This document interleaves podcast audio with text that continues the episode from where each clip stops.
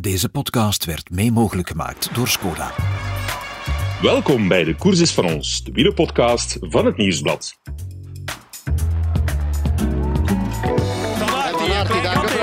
Het is los. There he goes. Pogacar now, big attack. Van Aert, die het moeilijk heeft hoor in dat wiel van Van der Poel. Explosion door Remco van der Poel. Here goes the attack.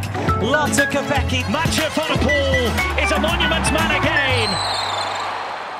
Vandaag, beste luisteraar, bieden we jullie een heel speciale aflevering van De Koers is van ons. Onze allereerste live podcast in onze geschiedenis. En we hebben het meteen groots aangepakt. De locatie was niet een of ander bruin café, maar wel het Casino Cursaal in Oostende. En we waren het voorprogramma van de verkiezing van de Flandrien en Flandrienne 2023. Het perfecte moment om terug te blikken op 2023 en een blik vooruit te werpen op 2024. En ik had drie fantastische gasten om dat te doen. Onze koersprofessor Mark Sergeant, analist Dirk de Wolf en niemand minder dan Seb van Marken. Heel wat luisteraars waren er live bij. Voor diegenen die geen tickets hadden, hier is onze terugblik op 2023 live vanuit het Casino Cursaal in Oostende. Geniet ervan! Voilà, we hebben drie gasten en wat wij gaan doen, we zijn een beetje het voorprogramma van de Flandrien. En uh, ja, straks gaan er filmpjes te zien zijn, gaan er uh, prijsuitreikingen zijn, maar we gaan dat wielerjaar 2023 toch eens overschouwen, hè, om te zien wat is er allemaal gebeurd in 2023. Ik heb jullie huiswerk meegegeven. Uh, ja, het, was, het was een harde dobber, een zware dobber. de momenten van 2023. Wat zijn jullie momenten van 2023? Ik ga beginnen bij eh, onze koersprofessor, Mark Sergeant. Mark, vertel eens uit die lange lijst die ik doorgestuurd heb. Het was echt ja, een A4'tje. Um, ehm, wat heb jij daaruit gekozen? Het was een super moeilijke keuze. Um, zo moeilijk dat ik eigenlijk iets speciaals gekozen heb. Ja? Het uh, interview na de Tour-etappenwinst van uh, Mohoric. Het interview met Mohoric, ja. Wat zei Mohoric precies? Dus hij won een Tour-etappe, de 19e etappe. Fotofinish ja. met Asgreen. En, en wat had hij dan te vertellen? Wel, ten eerste tegen Asgreen winnen in een sprint, dat is niet zo simpel. Uh, als je weet dat hij uh, van de Poel is geklopt had in de Ronde van Vlaanderen. En dan uh, was hij op het, op het randje van ja, emotioneel. Ga ik hier uitbarsten? Ga ik in tranen uitbarsten of niet? Als hij begon uit te leggen hoe moeilijk het eigenlijk wel was.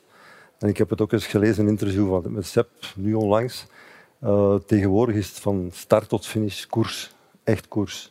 Mm -hmm. momenten van rust zit er niet meer tussen. Je weet dat je moet mee zijn in de Tour om te winnen. Als Mohoric wil winnen, zeker. Dan zet je mee en dan moet die ook nog verslaan. Dus dat, dat balanceerde allemaal. En hij noemde Hans de ploeg, van verzorgers tot mechaniekers. Als je gaat slapen, kijk je nog eens door het raam. Ze zijn nog bezig, gaan in fiets. Dus die verwachten ook van mij morgen terug een prestatie.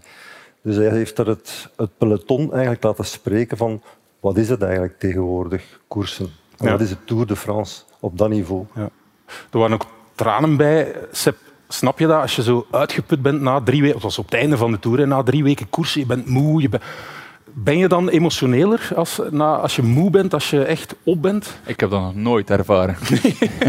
dat je moe was? Of, uh... Ik huil. Nee. Um, ja, ja, dat is zo. Hè. Je bent ja, afgepeigerd en, uh, en dan word je al sneller emotioneel. En het is een feit, um, wat hij beschrijft is waar. Het is een heel lastige stil, maar het blijft een mooie stil. Anders zouden we het niet allemaal willen uh, blijven doen. Um, maar daarbij komt um, Mohoric, hij won aan het einde van de rit de koers. En er zijn zoveel renners die al hetzelfde gevoel hebben, maar die winnen nooit de koers. Ja, dat zei hij ook. Hè, dus uh, ja, je start gewoon in de winter of voor de Tour met een doel. Ik wil die koers winnen, ik wil een etappe winnen. Maar er zijn er maar een paar die die kans krijgen, of, of tenminste aan de, aan, uh, aan de eindmeet, die overwinning pakken. En heel veel renners blijven met zo'n een, een gevoel achter van, damn, volgend jaar misschien. Ja. Dus, um, dat vond ik er ook zo fijn aan, dat hij het eigenlijk vanuit de buik van het peloton sprak. Niet voor zichzelf alleen, maar voor... Ja, betracht er allemaal veel voor. Ja. Inderdaad. Dirk, heb jij dat moment ook gezien? Wat vond... Ja, zeker. Dat was een, een moment dat uh, bijblijft. Hè. Dus uh, gevolgd elke etappe. En dan komt er iemand met een interview dat toch wel uh, impact had. Dat door merg en been, had, zouden we zeggen. En was ook misschien met, omdat zijn vriend Meder daar in de Ronde van Zwitserland ja. het ongeval had. Ploegmakker van Gino ja, Meder, die kort daarvoor in de Ronde van en, Zwitserland ook overleden was. Dan winnen, toch ook een enorme zware rit. En dan zo'n echt een interview geven waar dat echt uh, top was. Echt top. Ja. Ik moet zeggen, op de website van het Nieuwsblad ja, maken wij allerlei artikelen. Dat wordt tegenwoordig heel goed gemonitord. Wat wordt gelezen, wat wordt niet gelezen. En wij schrokken ook een beetje dat inderdaad, Mark, dat interview van Mohoric, dat het zoveel aangeklikt werd, gelezen werd. Dus wij dachten van, tja, wat, wat, ja, hoe komt dat? Maar blijkbaar beroerde dat zoveel mensen. Ja. Ik had het in die analyse van de koersprofessor ook aangehaald, uh, omdat me dat direct ja, dat had een, zoals Dirk zei, een impact op mij van amai, dat moet wel kunnen, zo na, na een rit het verhaal van het peloton zo kenbaar maken aan het publiek die dat misschien een beetje meer... Ja, het is koers en al de rest zien we toch niet. Um, hoe ambetant was het ook al niet als ik in de Vuelta niet weet wat er in de ontsnapping zit, omdat het niet rechtstreeks is. Dus uh, soms zitten we toch een beetje met onze neus erop en dan ook weer niet. En maakt het ons al een beetje nerveus als we het niet zien.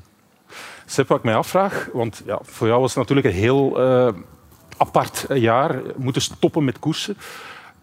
Uh, heb jij dat soort momenten allemaal... Was het, uh, het interview van Mohoric was voor of nadat jij het nieuws gekregen had? Of, of sluimerde ja. het toen al? Het was in die periode, hè, toch? Na, na daarna, ja. Daarna heb je het te horen gekregen? nee, ik had op 5 juli te horen gekregen dat we stoppen. En en daarna, ik denk een week daarna of zo, won hij die etappe. Heb je dat dan live gezien of was dat een moment dat je de koers toch even nee, aan de kant schoof? live gezien, maar inderdaad, hij heeft het uh, helemaal mooi beschreven. Um, door alle emoties dat hij had, heeft hij toch kunnen uh, enorm naar de, naar de huiskamer brengen, naar het hart van de mensen. En ik denk iedereen kon zich inleven in wat hij bedoelt. En dat is niet altijd makkelijk, uh, maar op dat moment heeft hij dat wel kunnen doen. Um, voor mij was dat ja, goed, heel herkenbaar. Wel, ik wou net zeggen, het was, het was ook zeer persoonlijk voor jou, toch? Hij sprak voor het hele peloton, maar ook voor, misschien voor een stuk wat jij meegemaakt had. Al die opofferingen en dan ja, bereik je niet wat, wat ja, moet je stoppen. Ja, dat klopt, maar uh, op dat moment was dat mijn grootste zorg niet. Nee, okay. um, dus um, ja, hij, hij, heeft inderdaad um, een gevoelige snaar geraakt, ook bij voilà, mij op dat moment. Ja, ja. maar ja, goed dat was... Uh, en bij veel mensen een gevoelige snaar geraakt ja, bij jou. Um, Dirk, we gaan naar jouw uh, moment. Zeg eens uit al die prachtige oh, momenten van 2023. ja. Uh, Hoe lang heb je wakker gelegen gisteravond? ik heb er ongeveer een, drie uur, een drietal uur over gedaan voor die, al die momenten uh, dat je opstond te doorbladeren. Ik zag Pogacar wegrijden terug op de Quaremont. Oh, ja. Ik zie Mathieu van der Poel wegrijden op de Poggio. Oh, ja.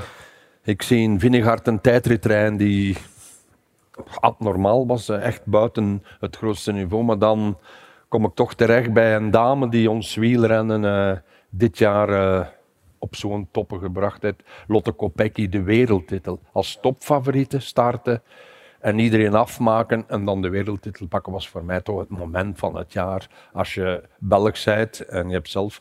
Ik heb getwijfeld ook een stukje tussen Remco die de wereldtitel pakt, tijdrijden. Nog nooit niet gebeurd van een Belg. En dan heb ik toch voor Lotte gekozen, omdat haar jaar toch zo fantastisch was, met ook de Tour de France bij. Ja. Gaat het dan over de koers zelf? Want het was een prachtige koers, ze heeft echt heel veel aangevallen enzovoort. Of ook over, over ja, het mentale aspect, want zij was topfavoriet. De druk op haar was, was enorm. Hè? En dat dan afmaken, gaat het ook daarover? Of, of? Ze heeft de gans jaar eigenlijk topfavoriete geweest. Vanaf het volk dat ja. ze wint, Strade Bianchi, Ronde van Vlaanderen. Maar goed, dan was er in die ploeg wel nog uh, ja, die konden winnen. Dat is ook de sterkte van die ploeg. Hè. Ja. SD Works uh, is voor mij de sterkste ploeg bij de dames. Die steken met kop en schouders bovenuit. Maar je moet het toch nog altijd afmaken. En op een WK rijdt hij met een Belgische trui.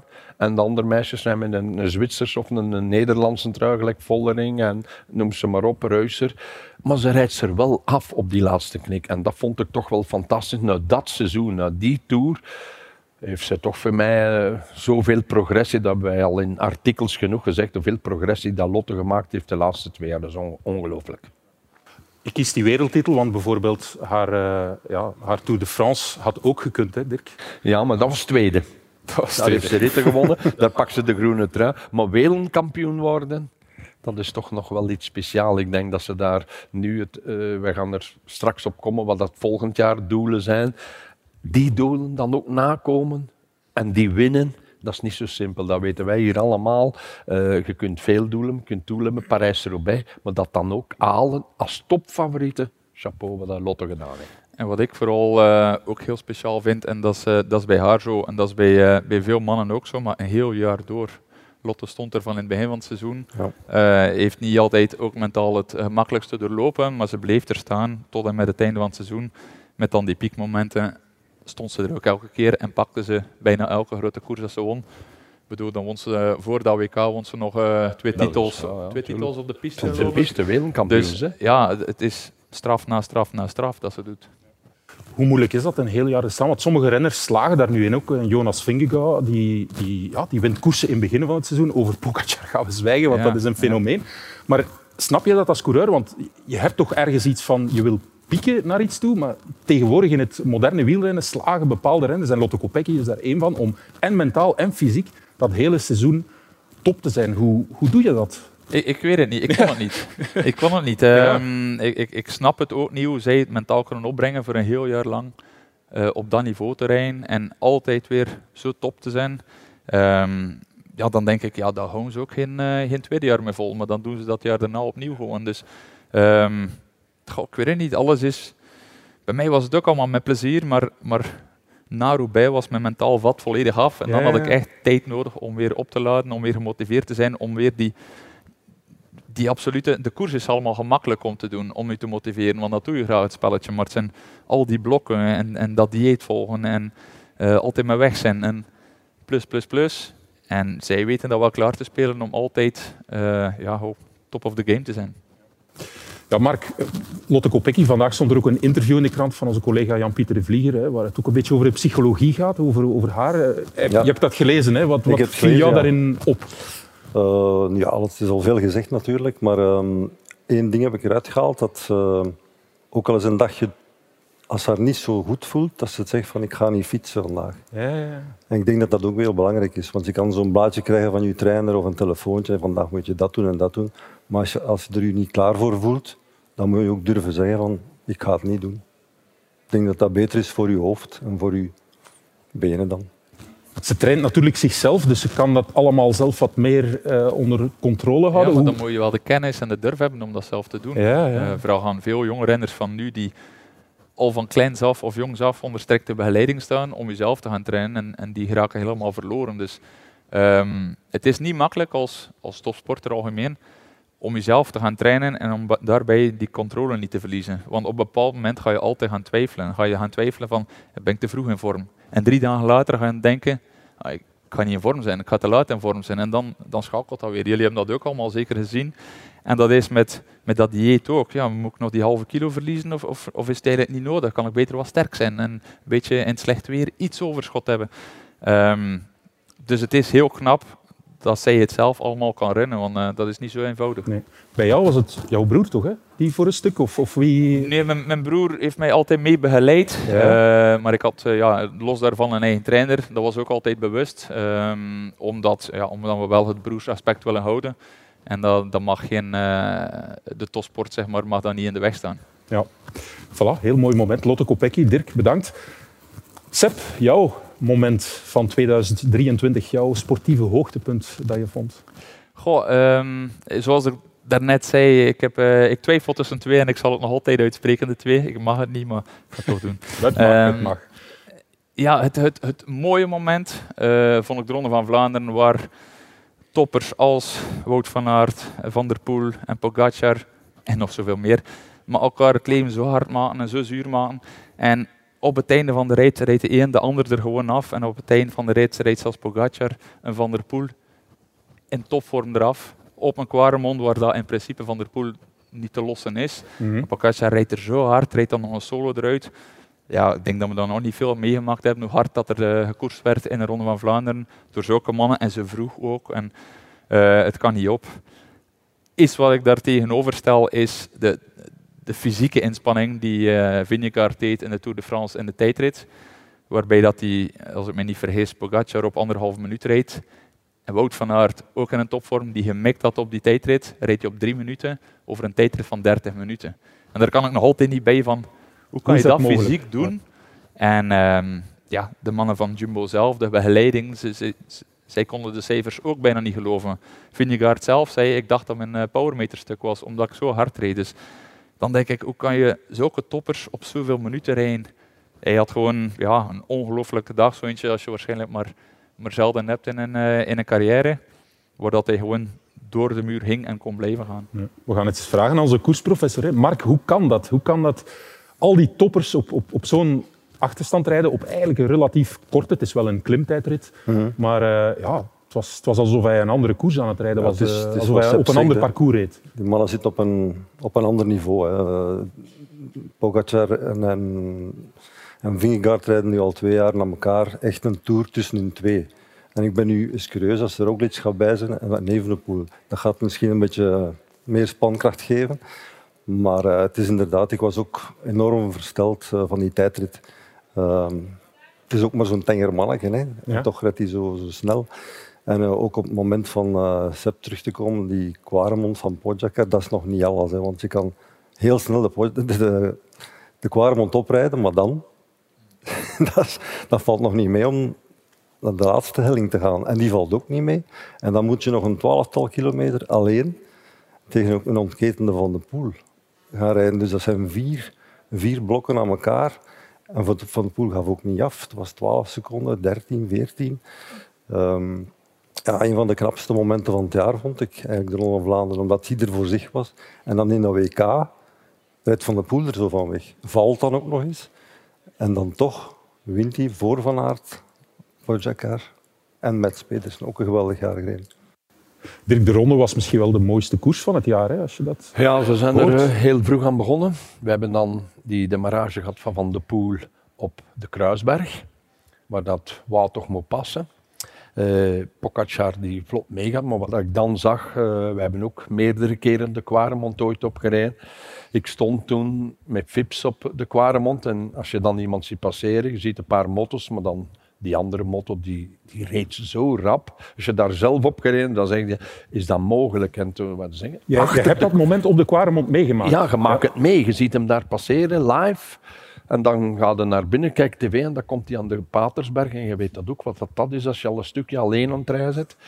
Gaat hij daar nog full en dan eigenlijk die laatste 12 kilometer die wij regelmatig doen als wij gaan fietsen, van eigenlijk van Kerkhoven naar Oudenaarde, een beetje schuin op de kop. En hij blijft er gewoon 30, 35 seconden voor Mathieu van de Poel die toch ook wel enorme uh, wattages reed, vermogens reed, beter dan het jaar dat hij won.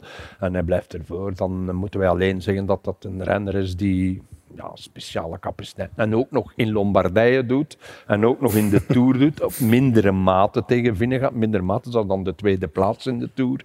Ja, het is een fenomeen, hè. zoals we al een paar keer gezegd hebben. Zoals er een paar fenomenen rondrijden met Vinnegaard, met Evenepoel, met een Pogacar, met een Van Aert. Die zitten heel kort bij en wordt eigenlijk altijd van die mannen afgestraft. Hè. Sepp, uh, zelf een, een, hoogtepunt. Jij hebt het podium gereden in, in eh, Gent-Wevelgem. Dat vond ik wel heel knap in Café Koers, onze, onze goede vriend uh, Jonas Heirik, uh, die is fan van jou, die plaatste hem altijd in zijn, in zijn pronostieken, stond hij altijd. En die, die ene keer, ja, ik denk dat we geen pronostiek gedaan hebben toen voor Gent-Wevelgem. Dat, nee. dat weet ik nu niet meer. Maar goed, het is wel, die ene keer held winnen met mij. Ja, voilà, die ene keer. Wie heeft dat gewonnen, Michael, die pronostiek uh, Café Koers? Wie heeft dat gewonnen? Dat, uh, dat zou ik eens moeten nakijken. Wie? Jij? ja. Dirk, jij zal er niet over beginnen als jij niet gewonnen had, denk ik. Ja, ja, ja. Een grapje, hè. Ja. Ik weet maar de mensen weten het toch. Ja, natuurlijk. maar Sepp, is dat, is dat voor jou uh, dit seizoen het hoogtepunt? Want als je natuurlijk door de resultaten gaat, dan, dan zeg je dat, hè, podiumrijden in een klassieker. Toch wel, hè. Klassieker. Um, ehm, 2022 was een heel slecht jaar door, door heel veel ziekte ja, uh, bij ja. mij. Um, de zomer was dan weer beter, maar na, na het voorjaar had ik voor mezelf uitgemaakt van ja, als dit het niveau wordt, dan uh, stop ik ermee. Maar ik wist natuurlijk dat het door de ziekte was. ik gaf mezelf 365 dagen de tijd om voor mezelf te bewijzen van, kijk, ik kan nog waardig renner weer zijn. Ja. En dan wil ik doorgaan. En um, ja, goed, ik had het voor mezelf wel, wel bewezen in de zomer dat ik weer meespeelde. Dat ik in het voorjaar ook in die eerste wedstrijden allemaal uh, meedeed, keer top 10 reed. Maar natuurlijk, je wilt weer op het podium staan, waar, vroeger, waar ik vroeger wel vaker kon staan en altijd kon meestrijden. Nu zijn er uh, met de jeugd en, en, de veranderingen zijn er veel toppers gekomen, waar dat ik inderdaad naar de achtergrond uh, meer verdween. Maar het feit dat ik daar nog een keer derde kon worden in de koers ook, waar dat voor mij echt allemaal begon. Um, ja, dat was heel mooi. En extra mooi, nu dat ik moest stoppen met koersen plots, ja, kan ik voor mijn eigen zeggen van oké, ik heb op een degelijk niveau gereden tot mijn laatste jaar. Want ik was derde in de Gent 2 van mijn laatste jaar. Dus um, dat, is, dat is een heel belangrijk resultaat en misschien nog meer uh, sinds dat ik moest stoppen met koersen. Ja. Want ik heb jou regelmatig geïnterviewd toen 2022 voor koersen. Uh, wij deden toen video's en inderdaad, iedere keer was bijna hetzelfde verhaal. Ik ben ziek geweest, uh, het, was, het was altijd wel iets. Maar ja, in die periode had je ook veel gasten van jouw generatie, Greg van Avermaat, eh, die, die ook zei van, ja, die, die jonge gasten rijden zo snel. Ik, eh, wij, wij, rijden de, de wattages van vroeger, maar ja, we rijden daar geen prijs meer uh, mee. En ik vind het dan wel knap dat je inderdaad zegt van, ik leg mij daar niet bij neer. Uh, ik ga toch pro proberen en dat dat dan lukt tussen die gasten. ja, moet u, inderdaad, de jeugd rijdt sneller. die, die, er zijn supertalenten, maar algemeen, die ontwikkeling is gewoon in, in stroomversnelling gegaan bij die mannen. Ze hebben geen ik weet toen dat ik eh, startte met koersen, werd er altijd gezegd, vanaf je 27, uh, 27 worden sterk. en dan vanaf je 30ste kunnen mee gaan doen voor klassiekers. En nu, als je 25 bent en zij nog niet aan het presteren, dan, dan zijn ze ooit verloren. Um, maar ik heb mijzelf proberen altijd mee te evolueren met de jeugd. En, uh, en als zij aanpassingen doen qua positie, qua training, qua voeding, qua alles, dan, dan deed ik ook mee. Want de dag dat je niet meer meedoet, dan ben je verloren. Ja. Uh, wat, wat, is het grootste verschil? Want je hebt misschien van de jonge gasten ook wel geobserveerd in jouw ploeg. Uh, oh, voor, ja, voeding, zegt men. Is dat zo? Voeding is onderdeel van, maar volgens mij um, alles tezamen. En, en met die corona eh, kwam dan nog een keer om een of andere reden een stroomversnelling. Maar de laatste vijf à tien jaar zijn we bezig met aerodynamica. Er werd er vroeger nooit iets van gezegd. We reden met open helmen, we reden met losse t-shirts. Um, dat was allemaal niet belangrijk plots werd aerodynamica belangrijk, want je won er veel, veel wat mee. En, um, en dat ging verder en verder. Als iedereen zich begon te focussen op de, op de dan werd dat plots meegebracht op de koersfiets ook.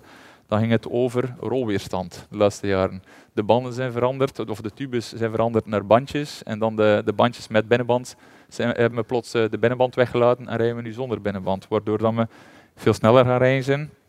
Dat maakt geen verschil voor de jeugd en de, en de ouderen natuurlijk.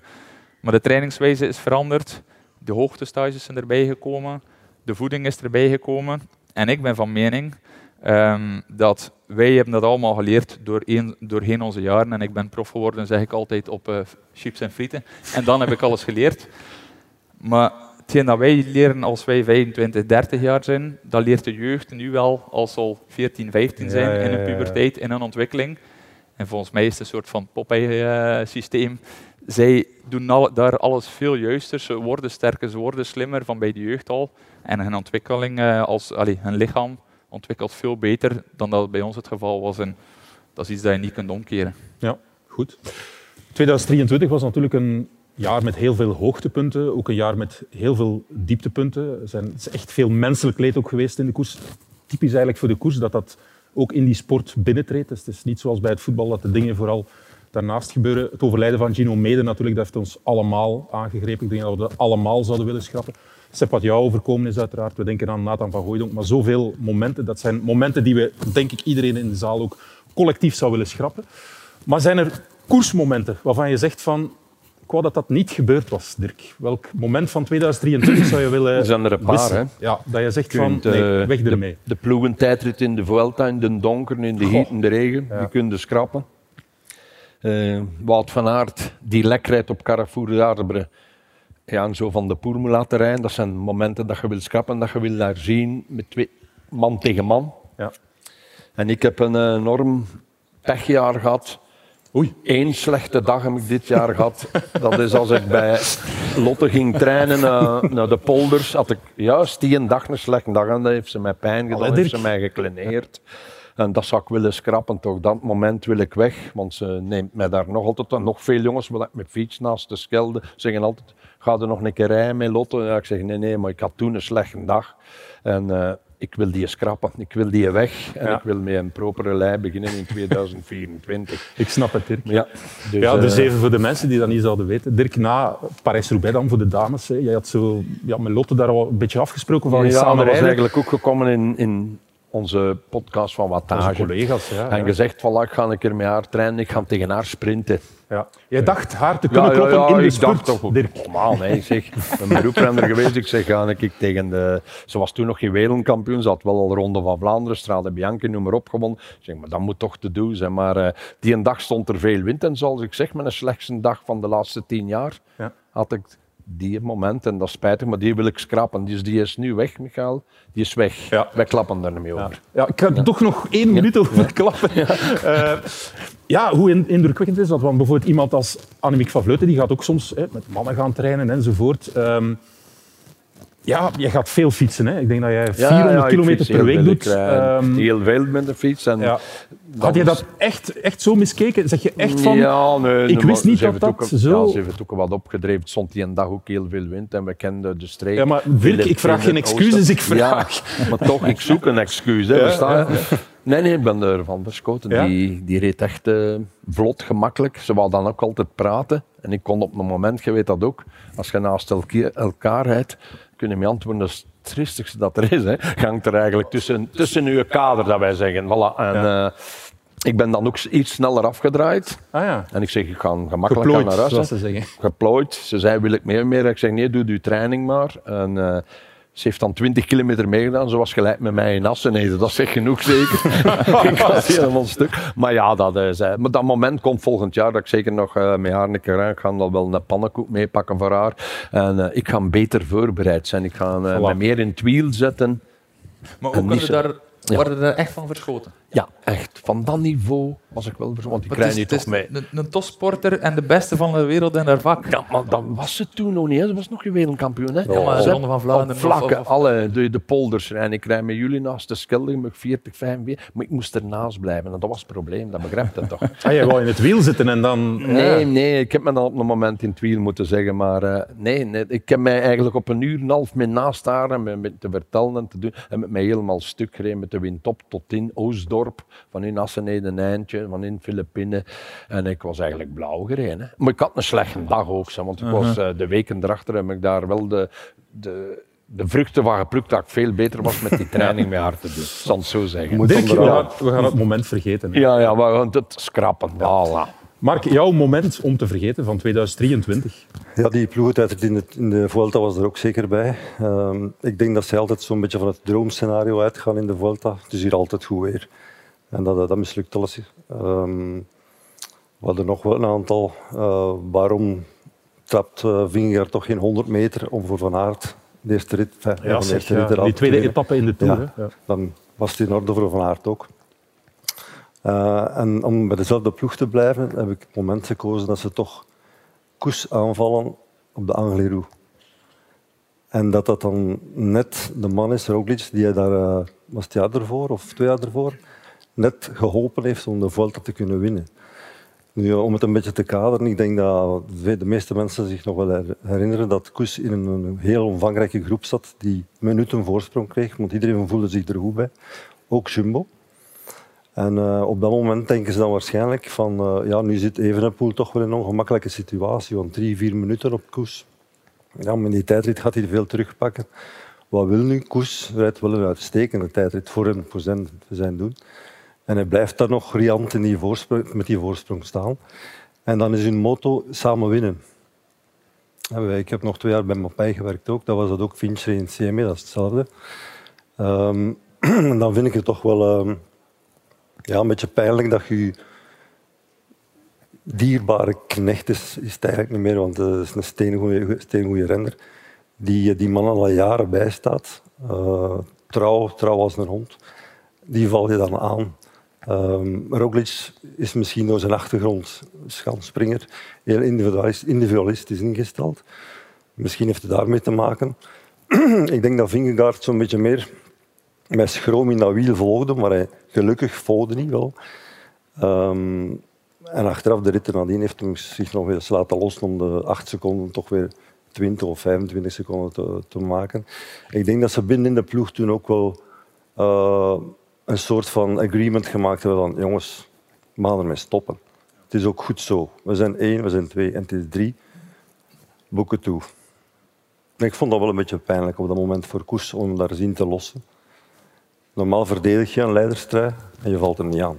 Ja, inderdaad. Ze hebben nadien ook eigenlijk wel toegegeven hè, dat dat niet de bedoeling was. En nadien zijn de koppen bij elkaar gegaan. En het was misschien ook nodig, zo'n pijnlijk moment, om, om te zeggen van jongens... Ja, Jonas, Jonas Vingegaard heeft daar veel bij geholpen. Ja. Die heeft eigenlijk de boel toen gezegd van nu is het goed.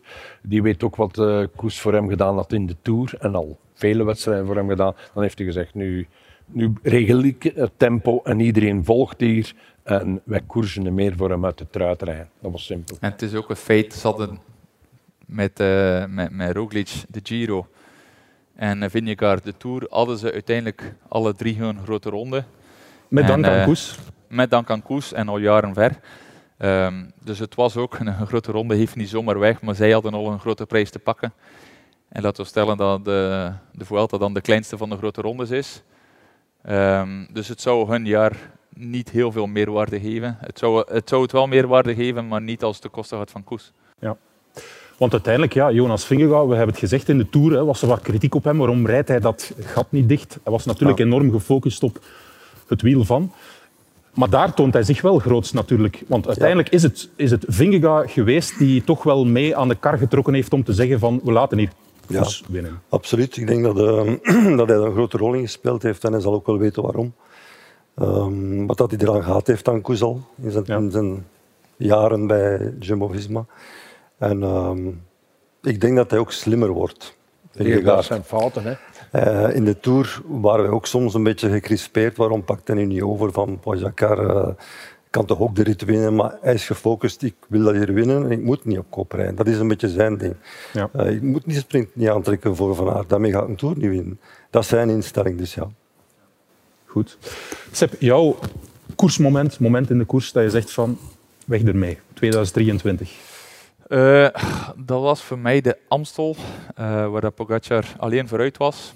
Waar dat een jonge Ben Healy van EF, uh, opkomend talent, het gat begint te dichten en er bijna bij komt. En dat je plots op beeld ziet dat de koersorganisator Pogacar volledig in het wiel meeneemt om weer verder weg te rijden. En ja, dat, dat is grote zonde. Veel andere dingen die gebeurd zijn, lekke banden, ziektes, waardoor dat er iemand de koers niet kon winnen, dat hoort er nu eenmaal bij. En daar hebben we allemaal wel een keer last van. Um, maar dat was gewoon ja, pure koersvervalsing. En waarschijnlijk aan het einde van de rit, als Ben Healy erbij kwam, zou Pogacar hem nog altijd kloppen in die sprint. Maar we moeten toch ja, absoluut proberen de koers niet te gaan vervalsen op die manier. Ja. Want goed, eh, Pogacar zou allicht wel de spurt gewonnen hebben, maar het was wel een belangrijk moment, hè Mark? Ja, het was zo'n momentje van, gaat hij nu toch nog terugkomen of, ja. of is het gedaan? En dan leek hij wel twee, drie seconden dichter te komen. En net op dat moment rijdt die auto daartussen. Zo en, ja, het was open veld, iedereen kon het zien. En ja, het doet toch iets.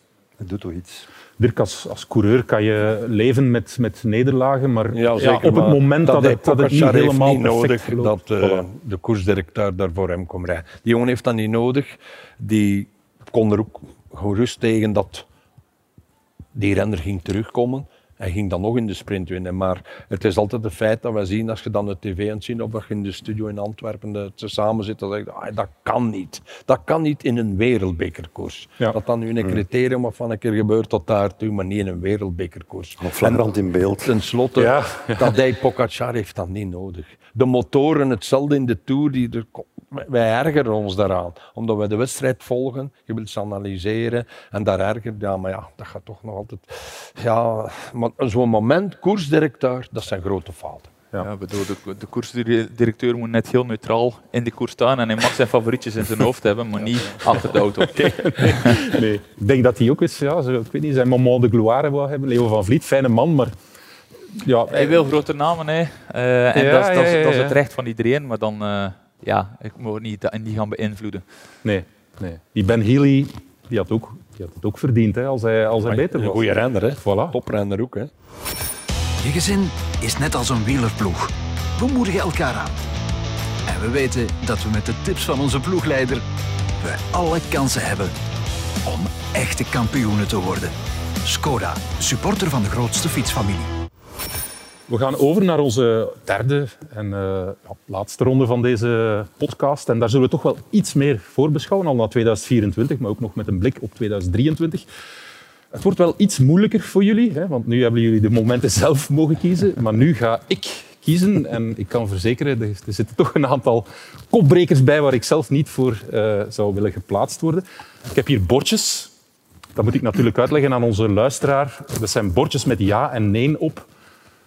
De mensen die hier... afgezien van Gert. Dirk. Dirk. Ja. um, dus bordjes met ja en nee. En ik ga een aantal uh, dilemma's voorleggen over 2023 en over 2024 ook. Jullie moeten kleur bekennen. Rood is nee, ik ben het er niet mee eens. Ja, groen, ik ben het er wel mee eens. En eventueel, jokers hebben we niet, hè? maar je kan eventueel wel een beetje nuanceren. Die, uh, dat willen we wel doen. voilà. Goed, ik ga mijn dilemma's uh, erbij halen. De eerste is, en dat gaat eigenlijk al een beetje over 2024, de komst van Primoz Roglic bij Bora Hansgrohe is geen goede zaak voor Kian Uitenbroeks. Is geen goede zaak voor Kian Uitenbroeks. Ja, ik heb gezegd dat het moeilijk ging zijn. Hè? Uh, moeilijke zaak. Uh, geen goede zaak. Allemaal nee. Ja. ja. Het is wel een goede zaak dus. Waarom? Hij kan er veel van leren. Um, hij gaat nog niet echt veel klassement in de Tour. Ik denk dat de uit de Broekske misschien nog de Giro of de Vuelta gaan rijden, dat naar zijn eigen kans gaat. In klassiekers zie ik Roglic niet veel tevoorschijn komen, zoals Sluik op de Walse Pijl, kan ook nog zijn eigen koers. En hij kan er toch op qua trainingsgebied, op uh, stages in Tenerife of op, uh, in Mallorca of hetzelfde veel van leren van Roglic. En het laat hem verder groeien in de schaduw van uh, die druk die er misschien anders voor Kian langzaam begint te komen, omdat hij al heel sterk was in zijn eerste grote ronde. Ja, volgend jaar gaan ze er nog meer naar kijken. Ik kan er veel van leren. Roglic heeft echt een, een super groot gehalte van leiderschap. En dat is iets dat Kian in de, in de toekomst zeker nodig heeft. En, uh, en daar kan hij voor, vooral veel van opsteken, volgens mij. Maar Roglic zal wel ja, voor zijn plek gaan en Kian gaat moeten werken. Bijvoorbeeld, um, Kian heeft nu in de, in een Vuelta een soort van vrije rol mogen rijden. Ik denk met Roglic, als ze samen in een ploeg een grote ronde rijden, dat dat wel moeilijk gaat zijn. Ze hoeven niet altijd samen te rijden. Ja. Ja, dat is de oplossing. Ja. Ik denk dat wat is net, net gezegd hebben, op stages kan hij er wel veel van oppikken. En dat dan in de koers dat langzaam groeien, ben ik ook nog altijd akkoord eh, mee. Um, hij heeft, uh, ja, wat was de Giro, was het, uh, dat hij toch ja, alle aandacht ging naar Evenepoel. En uiteindelijk wordt hij dan toch in top ja. 10. Uh, laat hem zomaar een beetje groeien. Ze moeten niet allemaal direct top zijn op hun 19 of in 20. Hè. Dus het kan ja. nog ook een beetje later komen. Hè. Ja.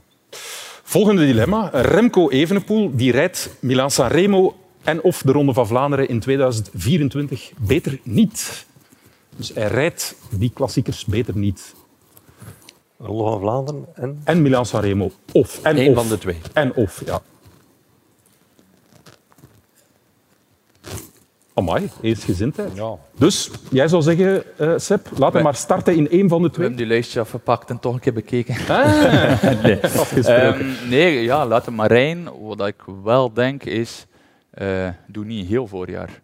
Maar rij er één of zo. En, uh, en ik denk fysiek is die in staat om in de toekomst zo'n koers te winnen. Um, maar geen heel voorjaar, want dat is, dat is heel anders als je wil uh, richting grote rondes toch gaan. Is het een heel andere insteek van training, een heel andere manier. Want, want die klassiekers, dat zijn korte puntjes en dan de, de grote rondes, dat is toch eerder het lange werk. Dus um, bouw jezelf niet te veel om tot klassieke renner om dan snel terug om te bouwen naar ronde renner. Uh, blijf op één lijn, maar je kan die koersen er wel, wel gaan bij doen, denk ik. Ja. Mark, jij zei ook nee.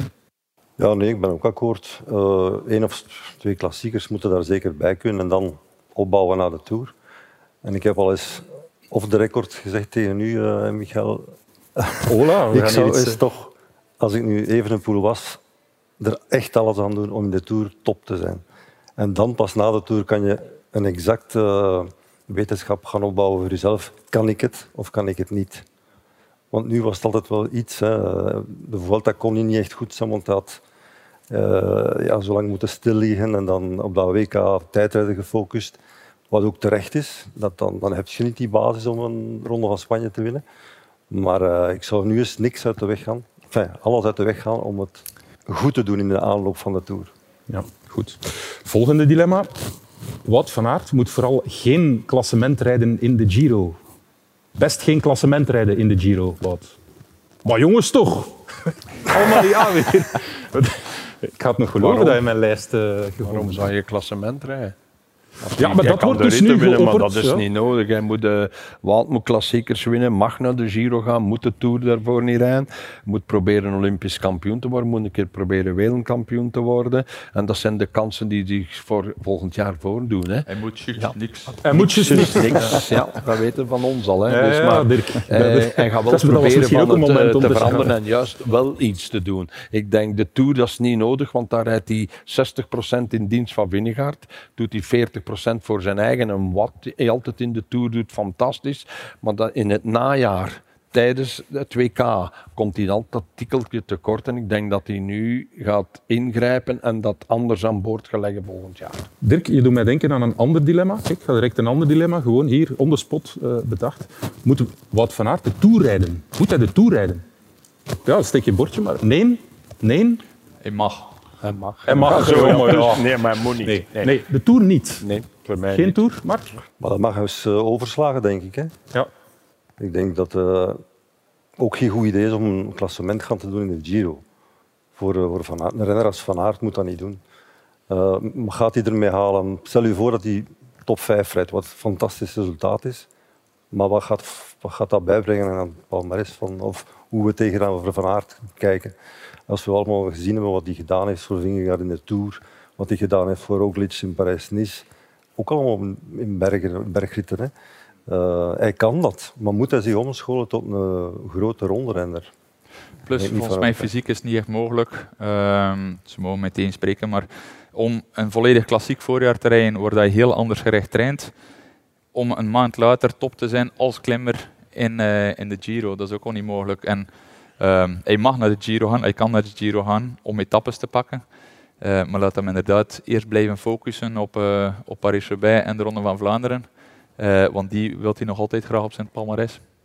Anderzijds, de Tour kan ook een goede voorbereiding zijn. Dat heeft Mathieu van der Poel getoond. Als je hem op een bepaalde manier kan rijden. Maar kan Wout dat in die ploeg als Maar hij ja, de Tour rijdt? daarom bedoel ik, hij mag, als hij geen Giro rijdt, mag hij de, de Tour rijden en mag hij gaan helpen, maar niet meer op de manier Nee, zoals hij het nu doet. En kan het in die ploeg op een andere manier? Dat weet ik inderdaad niet. dat zijn ook Olympische Spelen. Hè. Olympische Ja? Spelen Die, zijn onmiddellijk jaar, na de Tour. Hè. Ja. Want dat kan een perfecte voorbereiding zijn, Ja, ja. maar dan veel zuiniger. andere manier. Dat is een Ja, feit. maar dat zal in die ploeg denk ik moeilijk zijn. Hè. Als je voor toerwinst gaat, Ja. gaan ze hem nodig hebben. Tour is lastig, hè. We hebben het parcours gezien over een goede week en een half geleden. Zware toeren. Zware Hele toeren. zware toeren. En ze, Heel, en ze, missen, Ja, ze missen nog een extra pion met Nathan. Die ja Nathan dat uitgevallen is, die toch wel En, imponerend was in eh, de bergen. Hè. Dus eh, een enorme pion die wegvalt. Als je dan ook nog Wout wegvalt, ja, dan zit er Vingegaard, de Roglic is er ook niet meer. Ze hebben natuurlijk nog in de breedte zo'n sterke ploeg. En het individueel talent van Jonas in die tijdritten, plus in die bergritten die er aankomen de laatste week, die gaan toch een doorslag geven eh, ten, ten, ten opzichte van een Remco, ten opzichte van een Pogacar, ten opzichte van een Roglic. Maar het gaat een ander gegeven zijn, wat Mark daar juist al aan al. Ze zijn niet meer met twee, ze gaan normaal met vier zijn. Ja. Favorieten. Aangezien dat ik er niet in slaag om jullie uit elkaar te spelen met mijn dilemma's, ga ik eh, Guillaume er weer bij halen. Guillaume, misschien moeten wij eens aan mensen in het publiek vragen of zij ergens een dilemma zouden hebben voor onze drie wijzen hier, waar zij het misschien niet over eens zijn. Dus eh, ik ga nog, nog zelf dan ondertussen een dilemma en dan kan jij je in de zaal begeven. Als iemand een vraag heeft voor mij, de zet hem op, hè. En, Ja. ja. zet hem als op. iemand een vraag heeft voor Ja. mij, even hand in de lucht steken en ik kom langs. Dus mensen, het is de bedoeling dat jullie een dilemma vinden waar ze het niet over eens zijn. Kijk, Seb, zo gaan we het spelen. Als jullie eh, de lijst hebben bekeken, dan, eh, dan doen we het zo. Altijd ja. Ja, Volgende dilemma of uitspraak. Arnaud de Lee die moet een tandje kleiner schakelen. Ja of nee? Ola. Ah, het is mij gelukt. Nee, zegt Seb van Marken. Ja, zeggen onze andere twee wijzen. Ja, zeg eens Seb, want het valt wel op, maar jij zegt van... Het, uh, het valt op in de maximale inspanning als, uh, als het erom gaat. En, um, in, de, in de koers zelf, als de koers nog uh, in een normale situatie zit, dan valt het mij niet echt op. Maar inderdaad, als het erom gaat, dan, ja, dan wordt het gewoon een stier. Maar dan, uh, ik heb nog nooit een stier met veel souplesse gezien daarom. Nee, ik denk, ik denk gewoon, je kunt dat wel trainen, maar op het moment dat er echt om draait, dan gaat hij toch weer naar de oorsprong gaan en dan wordt hij, ja, dan speelt wordt hij dat wilde brok. Ja. En dat, moet je, dat laatste moet je niet willen aanpassen. Je kunt zeggen, de eerste 80% van de koers, dat tandje ligt er ja. Maar in die finale, als die zo op zijn sterkste is, bedoel, wat willen we dan verbeteren? Dat die 100 meter voor is in plaats van, te- van 30. Dus Ja. ik, ik denk op dat deel laat hem zijn lichaam gebruiken zoals dat hij het beste kan. Zoals dat hij het waarschijnlijk al altijd doet. Dirk? Ja, Jij de wedstrijden boven de 250, zoals een Ronde van Vlaanderen, de Parijs-Roubaix, wedstrijden die in de toekomst zou kunnen winnen, gaat moeten dat tandje kleiner rijden. Philippe Gilbert heeft dat ook. Ik heb eh, veel van zijn jeugdjaren gehad. Hij werd eraf gereden in de jaren 97, dacht ik, door Bettini in de WK's. heb ik hem ook gezegd, samen met Mark, rijd alsjeblieft een keer een tandje kleiner. En Philippe beginnen veel wedstrijden te winnen, kon ook een tandje kleiner rijden, was er veel frisser bij in de finales, kost ook een Rodriguez op bergjes beginnen kloppen. En als Deli gaat leren een beetje meer op souplesse, zoals een Wout van Aert, een Remco, een Pogacar, allemaal kunnen kleiner rijden, dan gaat hij toch nog betere renner zijn de laatste 10, 15 kilometer in de finale. En dat is toch de bedoeling van de Lee van grote klassiekers te winnen, want dat is een enorm talent.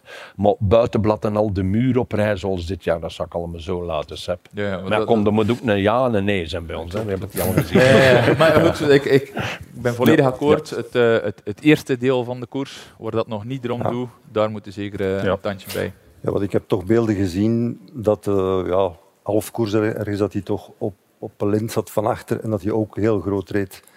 Uh, dus ik denk als dat een werkpuntje kan zijn, de eerste drie, ja, drie kwart van de wedstrijd, doe er bewust altijd eentje af. Dat gaat u nog sterker maken op het einde. Ja. Dus eigenlijk, uh, Sepp, ik volg jou. Zijn sterktes moet je niet afnemen, maar misschien de scherpe kantjes er wat afveilen. Ik denk bijvoorbeeld aan het EK ook op die Vanberg iedere keer. Ja, met dat groot verzet, toen, toen zakte hij wel terug. Hè. Daar moet dat dan nog niet waarschijnlijk. Ik bedoel, misschien de laatste keer wel, maar niet tijdens de koers. Maar ik heb veel bij, uh, dus, dus oh, die kwestie over, de, over de, het tandje, zeg maar, uh, niet gesproken. Maar ik heb veel bij, bij Arno het gevoel in koers, of ik had veel, um, van, oh, is het dat blok zeker? Want het ziet er allemaal niet meer zo goed uit. Maar dan aan het einde van de rit, als er om te doen is bij een demarrage of in de sprint, ja, dan blijkt hij toch weer overschot te hebben. Het is, het is wel die stijl, zeg maar, dat, dat geeft niet altijd weer hoe dat hij hem voelt. Nee, nee, nee. Ja, op het EK hadden wij dat ook, hè. we hebben het samen Ja, gekeken. al- Ja, dan die dachten wij al die moest Vanberg gewonnen Ja, iedere dat wordt keer. niks. Hè, want, Ja, dat wordt niks, Denemarken altijd voor Europees kampioen te worden. Hè. En uiteindelijk doet hij een lead-out van anderhalve kilometer Ja, of zo. en eigenlijk dan de rol omdraait als Wout, eh, denk ik, de sprint voor hem aantrekt, wint eh, Arno wel het Europees kampioenschap, denk ik. Ja. En niet Ja, maar respecteer daar een beetje die Ja, hiërarchie op dat respect moment. die volgorde En er moet van nog de veel- bondscoach. En, Ja, er moet nog veel komen. Hè. Laten we Ja, hem ja, koesteren de jong, Lee, want uh, het is een ja, Dat is het moeilijke vaak in de koers. Hè.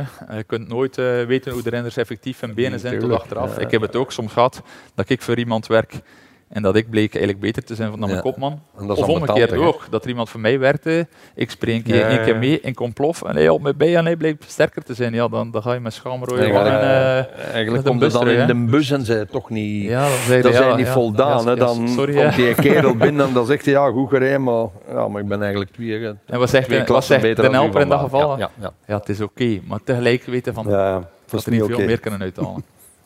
Ik denk dat we een dilemma uit de zaal hebben. Guillaume, heb jij Ja, iemand hier. gevonden? Ik sta hier helemaal bovenaan. Ah ja? Hallo. Eh, ik heb een dilemma voorgelegd door Elisabeth. Aha. Hallo, dus uh, mijn dilemma is... De fusie tussen Soudal Quickstep en Jumbo-Visma had wel moeten doorgaan. Hola. Eh, wa- eh, Oeh, Mark. Wat doe jij? Ja, zoiets tussen de twee. Nee, nee, nee, ik had er echt... Ah, het is, eh, ja, ik, zie, ik zie zo Ja, een nee, beetje tussen jij de twee. ja nu, maar de, ik denk, Dus jij zegt nee. kwam de vraag van Ginder niet? Ja, ja, Ah, ja. inderdaad, van eh, heb Elisabeth in de zaal. Fusie Ja. tussen, eh, ja, die niet doorgegaan is. Goede zaak dat ze niet doorgaan is, zeggen jullie alle drie in koor. Zeg eens. Ik, Was er dan eh, niets positiefs aan? Toen je de vraag stelde, wat was het eh, slechtste wielermoment op het, eh, in het jaar, dan zat ik daaraan te denken, maar je zei duidelijk sportief erbij. Ja, ja, ja. Maar dit was gewoon een drama geweest voor, uh, voor het wielrennen. Niet alleen voor die twee ploegen, niet alleen voor het Belgisch wielrennen. Uh, maar algemeen het wielrennen, dat hoeft niet. Die twee, twee topploegen. Uh, iedereen, iedere ploeg heeft zijn sterke identiteit. Volgens mij matchen die twee ploegen ook niet echt in, een, in het idee van wat ze zijn. Um, dus het was een opluchting dat het niet doorging. Ja. Ik denk niet voor ons alleen, hè. ik denk voor uh, veel betrokkenen ook. Personeel en al. Hè. Uh, er ging, uh, ja, de helft van de ploegen ging moeten verdwijnen. En dat is niet alleen renners, maar ook verzorgers, noem maar op. Uh, gans die staf wordt een beetje ontmanteld. En ik denk dat er toch misschien wel bij beide ploegen een paar wondjes zullen geslagen worden die in deze winter zullen moeten helen. Ja. Denk je inderdaad, Dirk, dat dat toch wel ja, nog een beetje blijft hangen? Ja, Patrick dat kan heeft dat wel wat wringen, gezegd. Ten slotte zaten er veel jongens dan, niet alleen personeel, maar ook renners. Hè, iets van de, ik noem ze dan juist onder die toppers, niet alleen Remco, maar dan heb je jongens zoals een Ian van Wilder, hè. Ik zag die niet uh, echt een jumbo gaan. Nee, dat is iemand nee. dat nu weet waar hij aan toe is. Die gaat nog versterken. Die wint in Duitsland, wint een rit, wint een mooie eindejaarskoers in Italië. Die heeft heel veel talent en die had niet gehaard in, in, met die samensmelting. Dat is ook een van de eerste die ja. duidelijk aangaf van ja. ik wil hier in deze ploeg ja, blijven en nergens uh, anders. Nee, echt. Uh, die twee ploegen, als je de tabellen van de overwinningen ziet, dan weet je hoeveel dat er Jumbo wint Hè? En hoeveel dat Quickstep nog wint. Quickstep staat denk ik op drie, hè? Ja, voilà. Ja, en die twee ploegen, dat is zoals Barcelona en Real Madrid, dat bijeensmelt in het voetbal. Dat is juist of zoals een Jo en Anderlecht. ja, of Jo en Anderlecht, ja, dank u. Ja, dan, wij staan nu vooraan. Ja, dat is juist, uh, Michael. Guillaume, ja. ik zie ik dat jij een volgend, volgend dilemma hebt. Yes, uh, een vraag van Koen. Koen. Goedenavond. Motoren en voertuigen, wat we hebben te zien in de klassiekers, Amstel Gold, we hebben het ook gezien in Tour de France. Ja, motoren die de weg blokkeren. Wat is jullie visie daarop? Moeten er minder motoren en minder voertuigen zijn? Minder motoren en minder voertuigen in de koers, ja of nee? Uh, ja, dat is een moeilijk geval. Ja, misschien wel, maar... Je hebt het aan het twijfelen gebracht, goed. De motoren ja, moeten er zijn, anders hebben wij geen beelden meer. Hè. Wij moeten goede beelden krijgen, want wij verlangen altijd, als de VRT de uitzending geeft, is dat perfect. Maar als je bijvoorbeeld in Frankrijk of soms in Zwitserland wedstrijden, doe, of in Italië, maar nee, die motoren moeten er zijn, maar eigenlijk ze kunnen met minder zijn. Dan noem ik ja. de journalisten, noem maar op, alle fotografen die allemaal dat foto die kunnen met minder zijn. Dat, regelt de regulateur eigenlijk, zoals bij ons in vele wedstrijden, Frank Kosten was denk ik, die moet dat eigenlijk regelen. En dat doet ook een beetje sommige wedstrijden inderdaad een beetje vervalsen. Ja. ja. Marco, wat was jouw antwoord? Ja, ik pleit ook voor minder voertuigen. Minder, Zeker ja. als de renners eh, uit elkaar zitten, daar moet direct geen motoren gaan tussen zitten. Dat is niet nodig. Um, in de Tour, dat voorbeeld dat Pogacar daar echt tot tegen de bumper van die motor rijdt. Ik pleit ook een beetje meer voor uh, mensen in de koers die in de koers gezeten hebben, die er een beetje ja. feeling voor hebben. Uh, die aanval van Pogacar bijvoorbeeld, iedereen weet van ons hier dat hij dat kan. Die kan zo'n acceleratie. Maar blijkbaar was, is die piloot van die motor dat niet. Het was een motor dus van France Television, ja. dus ja, goed. Maar de tour, de tour, is van iedereen, ook van France Television. Maar is niet alleen van France Television. Hè. Dus uh, er zat er nog één naast. Er zat er nog een motor naast. Dat waren er twee. Ja, met Dus uh, ik denk dat ze daar toch een beetje ja, meer opleiding zullen moeten gaan geven. En uh, ja, interpreteren wat kan er hier gebeuren. Let op, hè, jongens. intern toch communiceren. Sepp, ik zag jou eerst twijfelen en dan toch wel resoluut de nee. De nee, ja, wel. Ik, uh, ik heb ook wel vaak in situaties uh, gezeten waar ik dacht van, ja, die renner voor mij heeft voordeel gehad en weggereden van mij door die motoren. Uh, dat gebeurt overal veel, maar zeker ook in de klassiekers met na een korte bocht draai je als renner veel sneller door en dan kom je in het wiel, dan trekt hij op of ze willen een foto van een grote renner. Dus dat was vaak frustrerend, maar ik heb afgelopen week in Zwitserland een week heel intensief gestudeerd okay. om ploegleider te mogen worden. En uh, wat heb ik ook geleerd? Al die, uh, al die theorie. Ja. En, en, en wat zag ik daar? Dat, dat er wel heel veel motoren nodig zijn om de koers te kunnen organiseren, om de koers te kunnen in beeld brengen. Uh, voor de commissarissen, er zijn veel commissarissen op de motto om alles toch maar te kunnen eerlijk houden. Er zijn regulatoren die dan de motors op afstand houden. Er zijn fotografen en, en camera's. We willen ze allemaal minder. Maar langs de andere kant willen we wel alles zien. We willen mooie foto's, we willen alles in beeld hebben, we willen de koers goed kunnen volgen. En dan willen we wel ja, meer motto's. Want soms zien we een beeld niet en dan zeggen we, allee, waar, is die motto nu? De Vuelta bijvoorbeeld. In de Vuelta, sorry, hebben wij regelmatig gezegd, ja, we missen beslissende momenten als kijker. Ja? Maar, maar het is wel een feit ehm, dat er meer afstand moet bewaard worden. En dat is een moeilijke kwestie, want je wil het goed in beeld brengen, maar het is net door die afstand niet te bewaren of te snel motto's tussen kleine groepjes te steken, ja, dat er wel uh, kleine koersvervalsingen komen. Je bent aan het studeren voor ploegleider. Nieuws, uh, Sepp? Is er nieuws of is het just in case of uit interesse? Dat, dat, dat is volgens mij geen nieuws. Ze zijn niet up-to-date. Je werkt toch voor een, uh, voor een krant? Voor een krant, ja. ja. ik heb het gemist, denk ik dan. Ja, nee. Nee, nee ja, ik word volgend jaar ploegleider. Je wordt sowieso ploegleider. Je moet dan dat examen, dat is zoals in het, in het voetbal, je bent verplicht om dat af te leggen al? Ja, je bent verplicht voor... Uh, vroeger was dat niet, geloof ik. maar nu de laatste zeker tien jaar ben je verplicht om een week opleiding te gaan volgen de UCI casht een beetje extra. Um, Maar uh, ja, dan moeten wij uh, op het einde van die week examens doen. Ja. Best wel veel studeren, uh, dus het is spannend. We, we, weten de uitslag over tien dagen. Ah, wel, laat het mij weten, dan heb ik toch misschien nieuws voor mijn krant. Ja, dan, ik kan het dit gemist Michael, Dan begonnen wij met juniors, zoals ik en Mark, en dan naar de belofte. Nu begint die man direct in een topteam, direct bij de profs. Hè. Ja. Voilà, ja, Sepp zal vanavond vroeg naar huis moeten om te gaan studeren. Uh, Guillaume, je hebt nog iemand gevonden daar in het publiek? Een vraagje van uh, Andy. Andy. Ik uh, vond uh, Sepp van Marken altijd een attractieve renner. Maar mijn vraag of mijn dilemma is, had hij bij Patrick Lefevre gereden, won hij meer klassiekers? Had Sepp van Marken meer klassiekers gewonnen als hij bij Patrick Lefevre had gereden? Ja. Hola, ja. ja. Zelfs Sepp. Ja. ja. Sepp. Waarom, waarom ben je niet bij Lefevre gaan rijden dan? Uh, ja, omdat ik nooit een voorstel kreeg. Pat, Patrick, we gaan hem straks eens aanspreken. waarom waarom ja, nooit een voorstel? Nee, ja, Nooit, nooit een voorstel. Ja, blijkbaar uh, is er nooit van gekomen. Uh, alle respect daarvoor. Ik had wel graag uh, ook ooit voor die ploeg gereden, dat zeker. Um, maar goed, de koers, de koers gaat zo. Er is vraag en aanbod. En dan is de vraag, wat, wat zien zij in mij? En ook, het, het feit is ook, er zal altijd een financiële vraag van van mijn managers naar, uh, naar hem gekomen zijn, dat die misschien ook niet wou aan uh, beantwoorden. Um, dus ja, laten we zeggen, de omstandigheden zorgen ervoor dat ik uh, daar nooit voor kon, rijden, kon rijden maar ehm, ja, mijn interesse was er wel altijd. Hm. Als je deel uitgemaakt van dat sterk geheel, ja, dan automatisch worden je kansen groter op, ja. op een mooie koers winnen. Vind je de in? Gilbert heeft ervoor gekozen. Hè? Zes, zeven jaar geleden heeft Phil gekozen voor pr proberen Parijs-Roubaix een ronde van Vlaanderen te winnen. En dat was er maar één team zijn, dat was bij Quickstep gaan. Uh, en daar kon je dat. Het een heel sterk team rond u. Uh, ploegleiders en gans die entourage die echt die baantjes en elke, weg van Vlaanderen en Parijs-Roubaix van buiten kunnen, die daar zo op gefocust zijn en die de veel het beste materiaal hadden en dat is hem dan ook gelukt. En dat had misschien bij Sepp of bijvoorbeeld ook bij een Greg misschien iets gemakkelijker geweest voor de Ronde van Vlaanderen of Parijs-Roubaix. Al heeft Parijs-Roubaix Greg hem wel maar voor Sepp zal dat zeker een voordeel geweest van bij Patrick de Koers, ja, bij Vijver. Ja.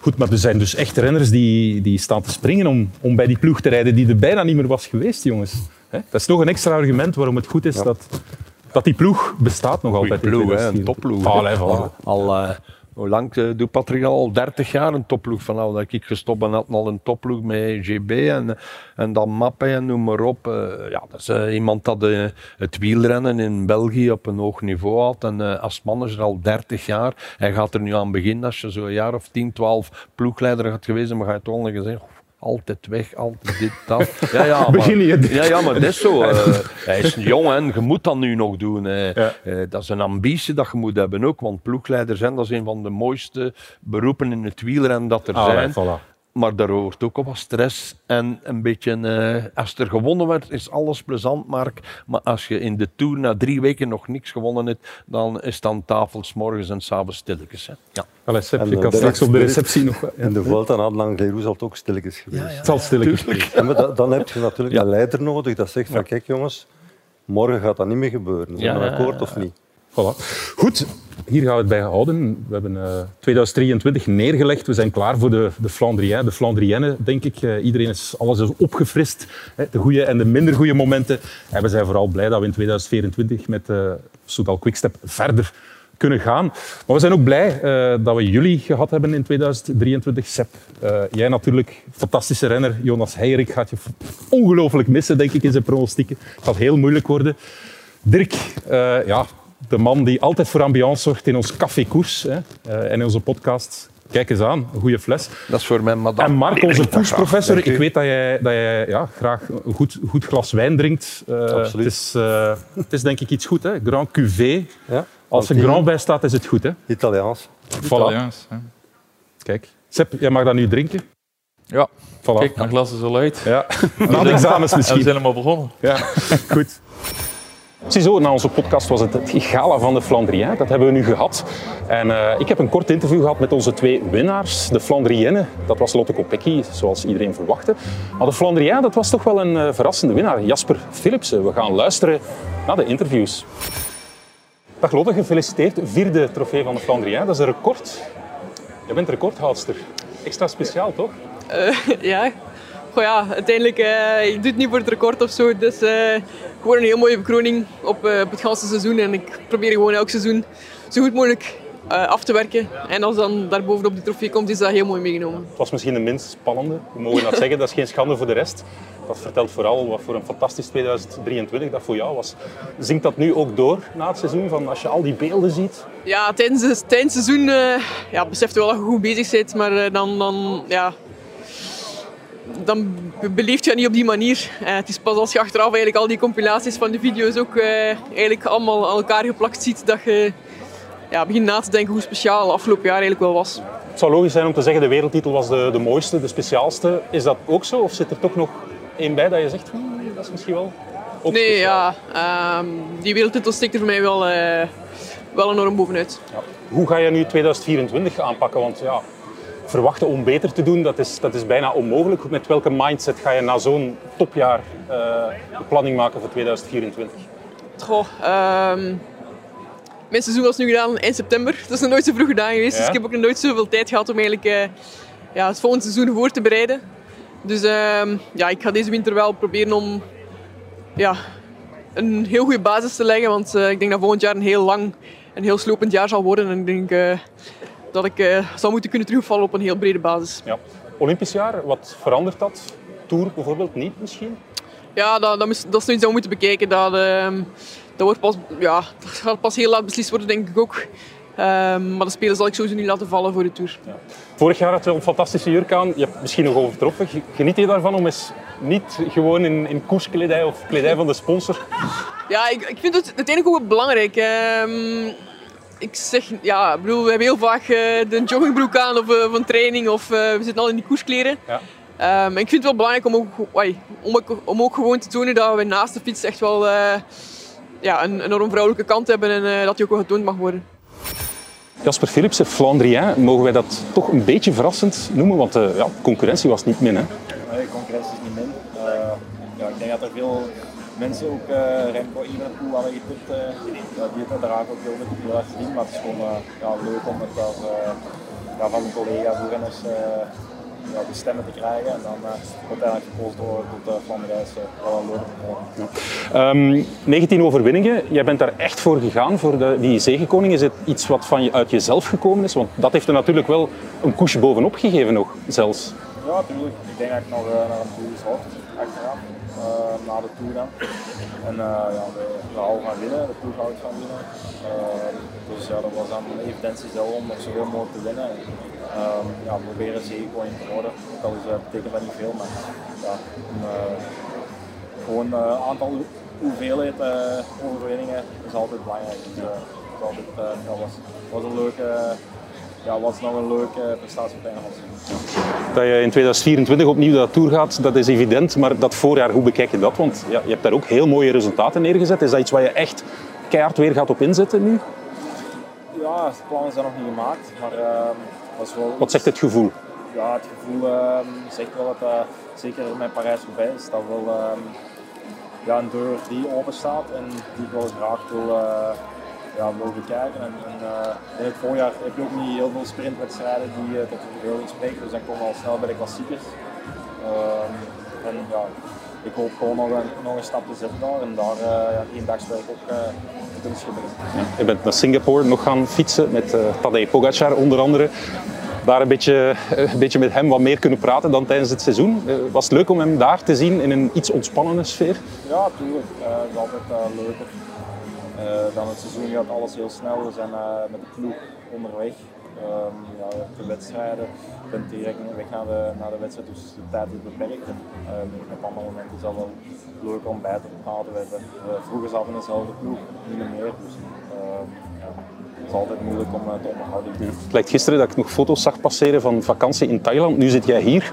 Uh, korte nachten geweest. Was het een helse onderneming om hier toch te geraken? Uh, ja, helse onderneming. Gewoon een, naar hier, maar wel een uh, vroege landing om 6.45 Dus uh, ja, nog, het was een lange dag voor mij vandaag en een late avond op het gala. Ja. Uh, maar wel, uh, ja, wel van genoten. Ja. Heb je nog energie om het te laten maken straks op het feestje? dat, dat valt nog even af te wachten. Ja. Oké, okay. in elk geval geniet ervan. Dankjewel. Dank je wel. Zo, beste luisteraar, dit was onze Koers is van ons, de Flandrien aflevering. Tot binnenkort. Tot de Koers is van ons.